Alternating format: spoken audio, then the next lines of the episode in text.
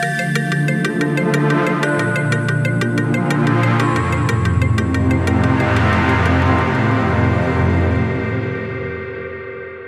Słuchacie podcastu Wok Polska Living przy mikrofonie Hanna Rydlewska. W tym odcinku zapraszam na spotkanie z projektantką, która poświęca się zarówno tworzeniu obiektów i przedmiotów, jak i badaniom dotyczącym designu, pracy kuratorskiej i konceptualnej. Ważnym elementem jej stylu jest dbałość o prostą, co nie znaczy, że oczywistą formę. Zajmuje się rozmaitymi gatunkami wzornictwa. Jej twórczość obejmuje i przedmioty codziennego użytku, i meble, i książki, aranżacje wnętrz, w tym także a w swoich projektach lubi nawiązywać do historii designu, żonglować motywami z przeszłości. Zawsze robi to jednak w odniesieniu do tego, co liczy się tu i teraz. Moim i Państwa gościem jest Maria Jeglińska-Adamczewska. Cześć, dzień dobry. Cześć Haniu, dzień dobry. Zacznijmy od tego, co ukształtowało Twój gust, bo dom rodzinny ma ogromny wpływ na to, jak e, potem w dorosłym życiu podchodzimy do kwestii związanych z estetyką, a Twój dom jest artystyczny. E, tak, zgadza się, bo po, zarówno po stronie mamy, jak i ojca, obie babcie były po studiach. E, jedna studiowała na Akademii Sztuk Pięknych i też historię sztuki, tuż po wojnie a druga studiowała architekturę, a moja mama też studiowała e, na Akademii Sztuk Pięknych, ale już w Paryżu rzeźbę, więc wydaje mi się, że to bardzo e, ten cały świat jakby artystyczny gdzieś cały czas się przewijał przez dom. Też mój ojciec, co jest zabawne, bo, bo jakby do niedawna tak doszłam do tego, tak sobie to uświadomiłam, jak byłam mała, miałam taki rytuał w domu, także tak raz, dwa razy do roku, jak sobie o tym przypomniałam, otwierałam całe wielkie teki, które mają moi rodzice. Mój ojciec zbiera stare ryciny i, i w ogóle cały, bardzo się interesował e, motywami w ogóle wokół Polski, stare mapy i inne ryciny. I moja mama też miała całą swoją tekę swoich dawnych rysunków z Akademii Sztuk Pięknych. I, I, pamiętam, że miałam taki wielki rytuał po prostu otwierania tych tek i oglądania tych rysunków po prostu i analizowania i po prostu oglądania każdej kreski. E, więc myślę, że to bardzo e, wokół tego całego motywu kreski, który gdzieś tam się, myślę, pojawia, przewija przez projekty w różny sposób i myślę, że gdzieś tam możliwe, że to jest to źródło tej obserwacji. Twoi rodzice poznali się w Paryżu. Twoja mama studiowała na ASP w Paryżu, a twój tata prowadził księgarnię. Tak, mój ojciec był wydawcą. E, oczywiście wydawał, to były lata 80., więc wydawał książki e, zakazane w Polsce. Był działaczem. I też pod koniec okresu, kiedy byliśmy w, mieszkaliśmy w Paryżu, miał, e, prowadził, miał księgarnię polską na Boulevard Saint-Germain w Paryżu. A kiedy twoi rodzice wrócili do Polski już z tobą, to zabrali ze sobą przedmioty, które gromadzili w Paryżu, czy musieli się wszystkiego pozbyć i zaczynali tutaj od zera? Nie, nie, wszystko, wszystko wzięli z sobą, włącznie z dziećmi i wróciliśmy w... Chociaż dzieci nie były takie szczęśliwe z tego tak, powrotu. Tak, tak, tak. Myślę, że to było wielkie dla nas e, przeżycie, w sensie dla mnie ja to tak trochę przeżyłam jak przejście z filmu kolorowego na film czarno-biały, bo to dosyć taki E, to był 91 rok, więc to było bardzo świeżo po, po, po, po, po całej transformacji w trakcie, więc wydaje mi się, że to było dosyć takie szalone i dzikie czasy, gdzie kiedy kapitalizm wchodził z każdej możliwej po prostu strony. Więc... Ale myślę, że to zderzenie cywilizacji, bo można wręcz to tak określić, też mogło mieć e, wpływ na to, jak myślisz dzisiaj o designie. No bo e, e, to połączenie klimatu Paryż lat 80., potem galopujący wczesny kapitalizm w Polsce lat 90., potem znów twoje wykształcenie, które odbierałaś za granicą, to wszystko jest bardzo różnorodne. Tak, no wydaje mi się, że na pewno, znaczy jestem bardzo wdzięczna rodzicom, że się postanowili e, wrócić do Polski, bo myślę, że nie miałabym może tak ciekawej, w sensie i po prostu, że jednak to jest szczęście wy, móc się wychowywać w dwóch kulturach, a nie w dwóch będąc w jednej i, i, jakby ta druga jest jakby na emigracji w cudzysłowie. Um, więc wydaje mi się, że to, to, to było wielkim bogactwem móc tak w pełni mieć te, te, te obie kultury, a nie jedną jakąś taką w formie bardziej zmitologizowanej jakiejś um, idei Polski, której wtedy nie było, bo pamiętam jak przyjaciele naszych rodziców mówili, że że, że jesteśmy straconą generacją dla Polski. Jeszcze pod koniec lat 80., a w końcu jednak okazało się, że jednak nie. I że, I że mogliśmy, znaczy, że rodzice chcieli wrócić, ale że bardzo, no jednak to był, myślę, że trudny czas, chociaż był to dziki. Ale myślę, że to zderzenie tych dwóch właśnie kultur, widzieć świat, który nagle staje się zachodni, e, jednak to, to, to bycie obserwatorem tego i bycie częścią tego było bardzo jednak niesłychanym doświadczeniem. A jak wyglądało studiowanie e, za granicą? Bo masz i etap francuski za sobą, i e, Szwajcarię, czyli Lozannę. A więc we Francji pojechałam, wróciłam po maturze, tuż po maturze i najpierw spędziłam rok w Paryżu na takiej szkole przygotowawczej, które bo jest, żeby zdać do szkół, często do szkół, które są publicznymi jest poziom dość wysoki, więc tak nawet trzeba, i, to niezależnie od szkół artystycznych, ale tam też nauki polityczne to mają, że tam są całe przygotowania roczne. E, I myślę, że to był taki, miałam 17 lat, więc jeszcze byłam bardzo młoda, więc myślę, że to był taki dobry rok, żeby tak sobie trochę popróbować trochę wszystkiego i e, tak dojrzeć. E, I później zdałam do szkoły w Reims, to jest stolica Szampanii, gdzie była taka szkoła, wyższa szkoła sztuk i wzornictwa gdzie studiowałam przez trzy lata. Nie powiem, że miała stamtąd najlepsze jakieś wspomnienia, prócz paru profesorów, którzy właśnie wszyscy, to było dosyć śmieszne, bo wszyscy dojeżdżali z Paryża, zarówno studenci, więc była taka migracja, po prostu w weekend wszyscy wracali do Paryża i później wszyscy, w tygodniu wszyscy w, większość w, w Reims. E, ale były tam bardzo ciekawe osobistości, z którymi dalej jakby jest się przyjaźnie, które było E, dużo profesorów, które tam było, po, w ogóle pracowało u, u projektantów grupy Memphis, więc myślę, że gdzieś to o której dzisiaj znów jest tak. głośno i, i e, która pojawia się tak naprawdę i w magazynach wnętrzarskich i na wystawach ciągle. Tak, tak, tak. Myślę, że to jest dosyć taki jeden z ostatnich fenomenów takich wielkich e, projektowania, które wywarły tak wielki wpływ postmodernistyczny.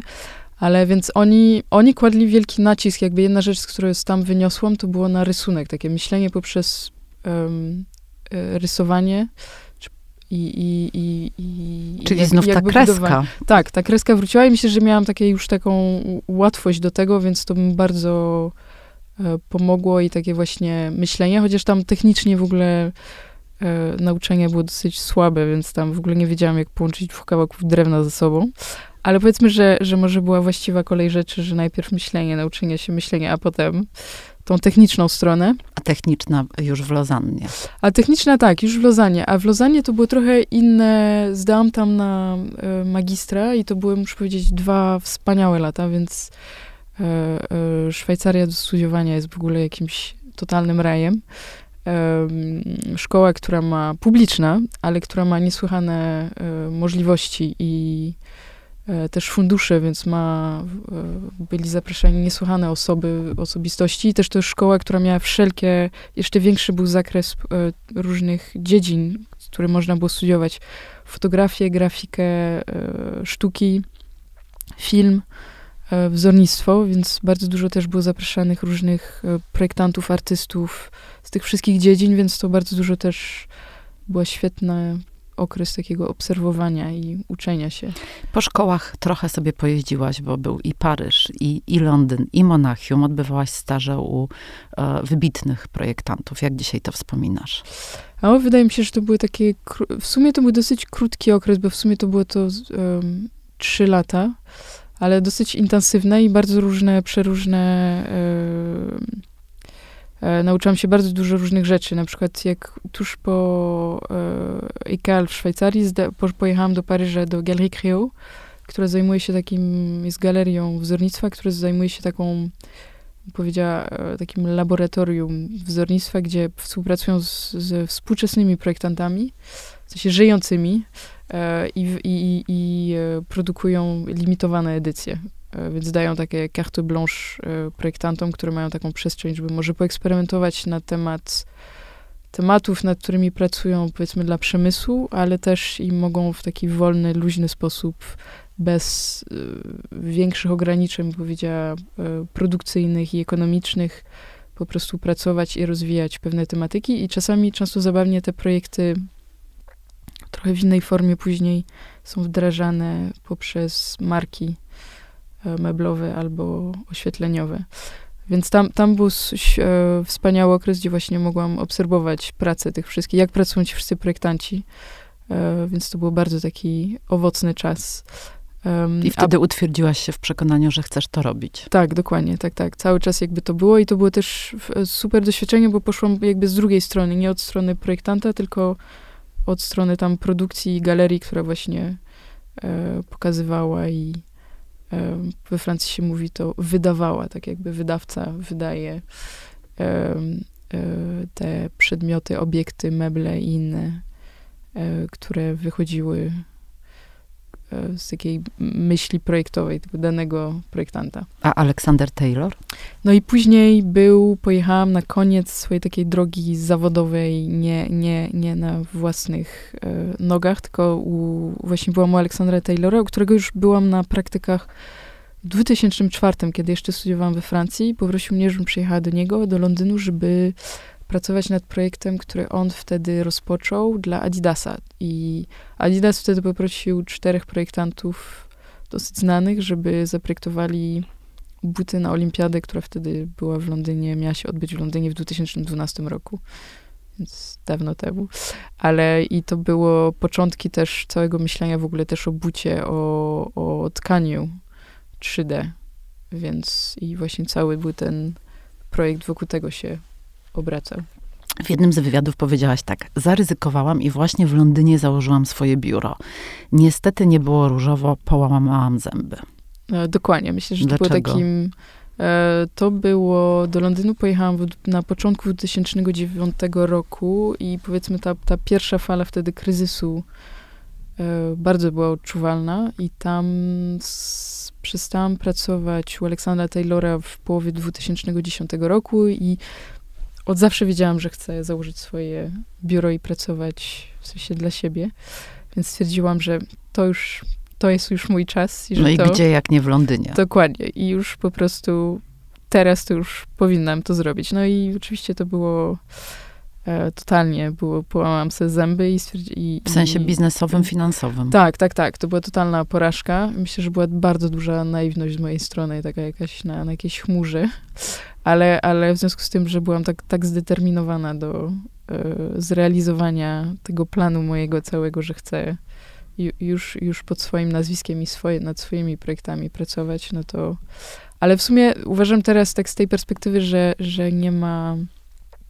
Że, że te porażki czasami są świetne, bo, bo, bo są dość brutalne w podejmowaniu później kolejnych decyzji, które bym nigdy nie podjęła, czyli powrót do do Polski, co się okazało teraz z tej perspektywy jedną z najlepszych moich decyzji.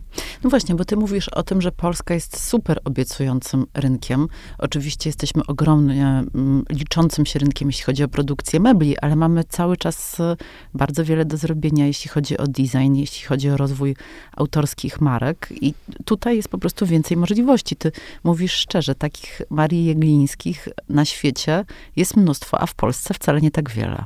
Tak, to prawda. Myślę, że jeszcze w Polsce jeszcze może nie jesteśmy kulturotwórczy w taki sposób, w sensie jak, jak może to, mówię to oczywiście z perspektywy projektowej, e, e, wzornictwa, e, ale wydaje mi się, że tutaj ze względu właśnie na tą ilość, w sensie produkcji, która tutaj jest i ta, ta świadomość, która teraz ogromnie wzrasła, też ze względu na to, że, że konkurencja rośnie, i że te, te wszystkie marki muszą się stać też konkurencyjne, a tylko wydaje mi się, że jednak we współpracy z projektantem mają dużo silniejszy przekaz e, i też będąc autorskimi markami i unikatowymi. E, I myślę, że teraz mamy wielką szansę tutaj. Cały czas to mówię i wydaje mi się, że cały czas to, to rośnie powoli. Myślę, że teraz to bardzo ostatnie, wydaje mi się przez ostatnie pięć lat, sześć. No właśnie chciałam cię to zapytać, jak przez tę dekadę się... oceniasz rozwój kultury projektowej w Polsce? E, no myślę, że się niesłychanie rozwinęła. Po pierwsze, na pewno bardzo dużo zrobiły takie instytucje jak e, Instytut Adama Mickiewicza, który bardzo promował Pamiętam, jak ja wróciłam, to bardzo mnie wspierali w różnych projektach, które zaczynałam. wystaw za granicą, więc bardzo też promowali polskie wzornictwo. Wydaje mi się, że też w Polsce też te działania jak Łódź Design Festival, który ogromnie dużo zrobiła i też wydaje mi się, że jest mnóstwo teraz różnych wydarzeń, targi, też z Areno Design, który przez dwa lata, którą byłam dyrektorem artystycznym, e, więc jest bardzo dużo przedsięwzięć. Myślę, że jest jeszcze brakuje takiego, moim zdaniem, dialogu pomiędzy przemysłem a projektantami, ale już to e, dużo się zmieniło. No i oczywiście... A ten brak dialogu z czego wynika? Że decydenci w tych wielkich markach nie do końca jeszcze doceniają ten e, element autorski, twórczy? Myślę, że, że to jest tak że z jednej strony może projektant jest postrzegany jako taki czasami problem, a nie e, e, osoba, która może przyjść i, i, po prostu pomóc rozwiązać te, te problemy i znaleźć odpowiedź na nie. Wydaje mi się, że też jest taka, chociaż to się zmienia teraz, e, brak takiej mm, też nawiązaniu relacji z projektantami, że to nie jest, że to jest dialog, jakby, jakby projektant jest częścią całego ekosystemu, jakby, ale oczywiście jest ten, tą częścią, która jest najbardziej naświetlana, której, e, bo można o niej zakomunikować, opowiedzieć, ale jest cały szereg różnych innych osób. I wydaje mi się, że dobry dialog, w sensie taką budowanie relacji długotrwałych z projektantami, wtedy mają rzeczywiście, przynoszą owoce, a nie takie punktowe jakieś tam pojedyncze projekty, bo, bo tak powiedzmy, przy jednym projekcie czasami trudno zobaczyć cały po prostu aspekt albo kontekst danej marki, w której albo zrozumieniu, co, co, jak pracują, jak funkcjonują, co e, cały szereg różnych tych um, um, problemów, czy może nie problemów, tylko kontekstu właśnie danej marki. A jak określiłabyś swój styl projektowania, myślenia, działania i na ile ten styl ewoluuje? Bo są projektanci, którzy trzymają się bardzo um, jakiegoś takiego własnego DNA, e, a są tacy, którzy metodą prób i błędów cały czas zmieniają swoje podejście. Gdzie ty się sytuujesz na tej skali? Um, wydaje mi się, że, że może nie, nie, nie, nie wiem. Myślę, że to jest później jest jedna część, która jest bardzo świadoma, a druga, która wychodzi, która jest silniejsza, y, gdzieś tam intuicja prowadzi. Na pewno um, wydaje mi się, że zawsze próbuję dojść do pewnej esencji projektu, ale to jest bardzo zależy, jest to bardzo różne od projektu do projektu, więc mam nadzieję, że nie, nie, nie, że, na pewno jest to siłą, jak, jak jest to, projekt jest rozpoznawalny, ale mam nadzieję, że nie jest to powtarzalne. Ale powiedziałaś gdzieś, że lubisz podważać status quo, że badasz tak jakby granice tego, co można zrobić z danym materiałem, albo jak można podejść do konkretnego obiektu. To chyba jest wspólne dla wszystkiego, co robisz. Tak, tak, tak. Myślę, że to jest właśnie, to jest też tak, to, to yy, czas, czasami jest to, może nie, nie ma sensu tego robić, bo, bo jakby projekt tego nie, czy kontekst tego nie, nie wymaga, ale wydaje mi się, że na przykład w przypadku może takiego jednego projektu, o którym mogę opowiedzieć, który nie, nie, w sensie nie wszedł do produkcji, ale powstał, było krzesło, fotel z drutu, małe czarne. Yy, I tu myślę, że jest taki dobry yy, przykład, gdzie to była polska marka, która chciała założyć kolejną markę, ale tak bym powiedziała już bardziej taką świadomą, yy, która pracowała też z innymi materiałami, z którymi na, na co dzień pracuje i która zaprosiła szereg projektantów i, i jakby brief był bardzo prosty, było zaprojektujcie polski produkt wyprodukowany w Polsce. To było dosyć taki... Bardzo en, otwarte Otwarte, tak, zadanie. tak, enigmatyczne jakby. I, no i wtedy zaczęłam sobie zadawać pytanie jakby, czym jest w ogóle co to jest w ogóle polski projekt i czy w ogóle mamy jakąkolwiek taką tożsamość projektową. No, to super ciekawe. E, więc taki i, i, i... A mamy?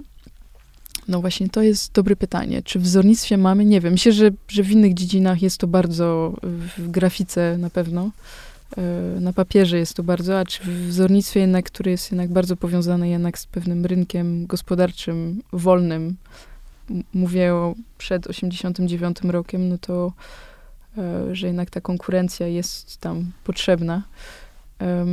Nie wiem, czy, czy jest. Myślę, że do pewnego okresu gdzieś tam było, a potem było. E, Od sasa do lasa. Tak. Ale myślę, że na pewno jedną rzecz, którą nas cechowała, to po prostu było, co zrobić z niczego. I to było jedno z moich takich, e, e, powiedzmy, wniosków, że właśnie jest jak, jak stworzyć coś z niczego, albo jakby takimi minimalnymi środkami. I też jak, jak zaczynaliśmy ten projekt, to pojechaliśmy odwiedzić różne fabryki, między innymi jedną, która robiła po prostu zgiętego drutu rzeczy. I wtedy był też okres, kiedy był wielki boom na kawiarnie, na, na w ogóle ludzie znowu zaczęli wychodzić do restauracji. Znaczy może nie znowu, ale, ale powiedzmy Ale wreszcie. To, tak. Był wielki boom i, i, i, i też na, na zewnątrz dużo bardziej ludzie przybywali czasu w, e, w kawiarniach, więc wydawało mi się bardzo ciekawy ten temat, motyw po prostu krzesła kawiarnianego. I tak się odwołałam w taki właśnie, szukałam w taki utopijny sposób właśnie, czy była, czy, czy mieliśmy jakąś pewną ciągłość i co nas cechowało. I na pewno, tak jak to powiedziałam przed chwilą, to, to że co stworzyć z niczego albo z minimalnych po prostu środków. No i powstało to krzesło z takiego, które jest um, zgiętego drutu w dosyć taki specyficzny sposób, tak żeby jak minimalną ilością elementów po prostu tak zgiąć krzesło, żeby tam, gdzie ciało potrzebuje komfort i wygody, to, to w tych miejscach po prostu tak się drut w takie zawiasy. I jakby często ten projekt jest może źle zrozumiany, że najpierw go narysowałam, a potem jakby, ale, ale naprawdę rysunek wynik z tej konstrukcji, logiki konstrukcyjnej.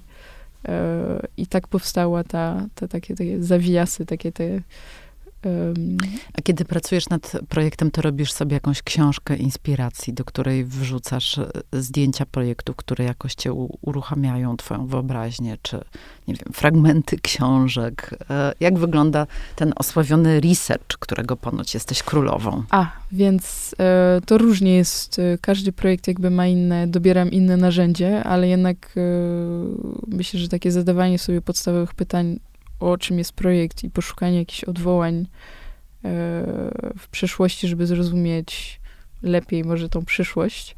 Jakby to jest bardzo kluczowe dla mnie i myślę, że często to jest w ogóle super narzędzie, jak zaczyna się współpracować może przy większych projektach z nowym klientem, um, po prostu opowiedzeniu pewnej narracji, intencji projektu i analizie poprzez właśnie e, istniejące projekty i opowiedzenia takiej historii filmu właśnie e, o czym w ogóle jest ten projekt i jakby zdefiniowanie czasami, gdzie może brief jest bardzo luźny i nie ma go, jest jakby chęć To pomocne dla klienta, ale też w sumie dla ciebie, tak, bo tak, zbudowaniu... sama możesz dojść do nowych wniosków. Tak, dokładnie. I, i, i, i potem mogę to prezentować później w formie um, właśnie takiej książki, która może nabierać często taką narrację praktycznie filmu, gdzie opowiadam klatka po klatce na podstawie już istniejących zdjęć, ale to mogą być przeróżne, czy, czy właśnie zdjęć innych projektów, innych po prostu jakichś elementów konstrukcji, czy, czy nawet yy, klatek z różnych wzięte z filmów,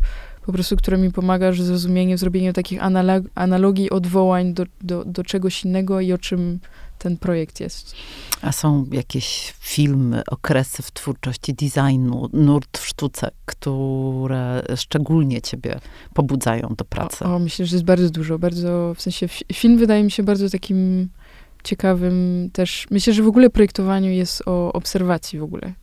E, o, o sposobie patrzenia i właśnie o podważaniu status quo rzeczy, jak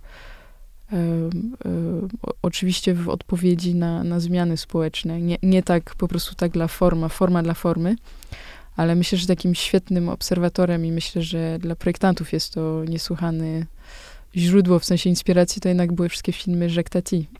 Playtime, Mon Oncle. Sposób całej tej obserwacji u jego, ten dom jego siostry, który jest całym takim i, i, i, robi z tego taką analizę, taką dosyć trochę prześmieczną tego nowego światu modernistycznego, ten, ten dom, który jest cały taką wielkim robotem, który e, e, oczywiście nie działa tak jak, tak jak trzeba. E, I playtime i inne i myślę, że to, to właśnie ten obserwator, ten, który on sam gra, tego e, pana, Monsieur Ilu, który przewija się przez te filmy i jest tym takim bacznym obserwatorem e, tych wszystkich zmian społecznych. A jeśli chodzi o teoretyków designu, czy czytasz o designie? No bo powiedzia, powiedziałyśmy na początku, że oprócz pracy nad samymi projektami oddajesz się też e, takim działaniom konceptualno-badawczym, mhm. więc na pewno czytasz też, co inni piszą o projektowaniu. E, tak, czytam, chociaż myślę, że to one są tak pomocne przy w sensie dla, dla mojej wiedzy własnej, ale czasami powiedzmy jak pracuję przy projektach z klientem komercyjnym, no to powiedzmy jest to, to trudniejszy materiał do, do przywoływania, więc to i niekoniecznie jest to w sensie potrzebne. Myślę, że to jest tak dla mojej własnej wiedzy i oczywiście dla w ogóle zrozumieniu o pewnych zmianach społecznych i o fenomenach i, i i o świecie projektowym, ale myślę, że kiedyś bardzo dużo czytałam książek Beatrice Colomina, jedną książkę, którą bardzo lubię, e, która się nazywa The Good Life. E, e, chyba nie była wydana po polsku. Iniaki Abalos, architekt, który napisał o, na podstawie pięciu domów z XX wieku, właśnie opowiedział o całej takiej ewolucji domu w ogóle. E, I bardzo ciekawy między innymi też jest właśnie dom z Monucle E, Tati, są, jest e, willa, e, ona chyba się nazywa La Californie Picassa, który w Nicei wynajmował taką piękną willę, gdzie tworzył. I są te niesłychane zdjęcia, gdzie te obrazy są po prostu postawione po całym domu, że ten dom się zmienił w totalną pracownię. Więc to wydaje mi się takie ciekawe rzeczy do poznania.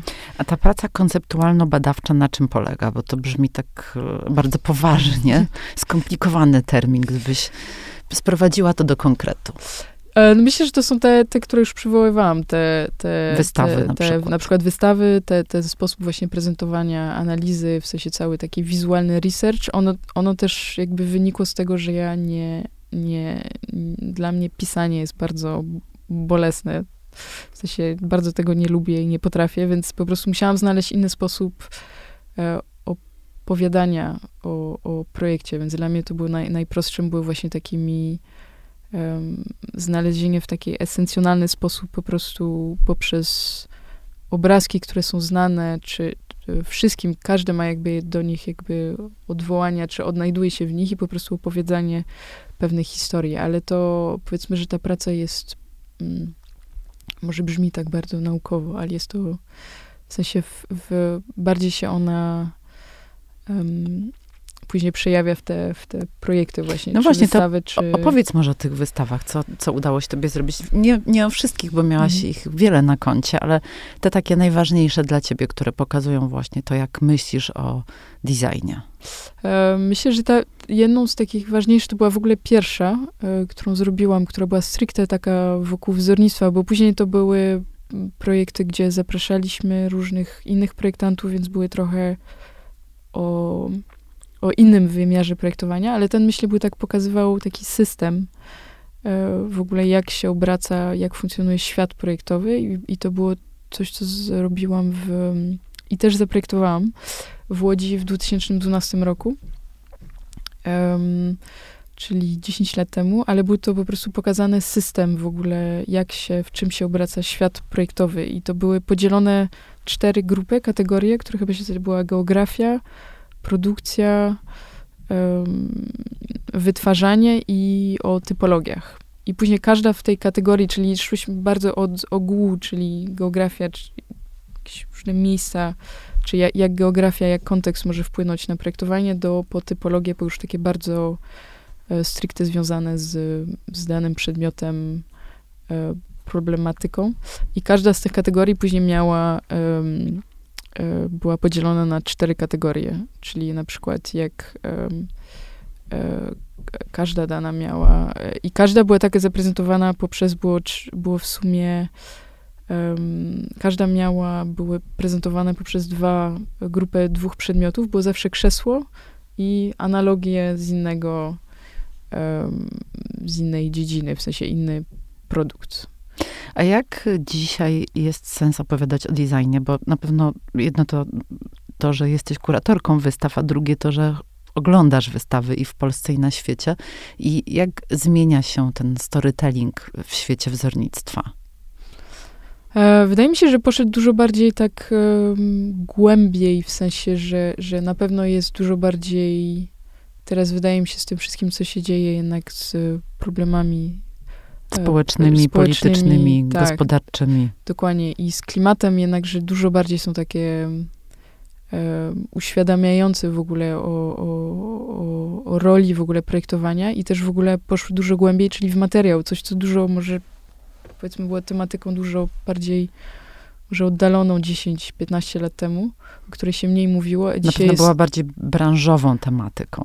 Tak, dokładnie tak. Były na targach jakieś tam pokazywane różne y, firmy, które miały swoje jakieś, rozwijały materiały, ale powiedzmy nie było aż tak to w muzeach pokazywane.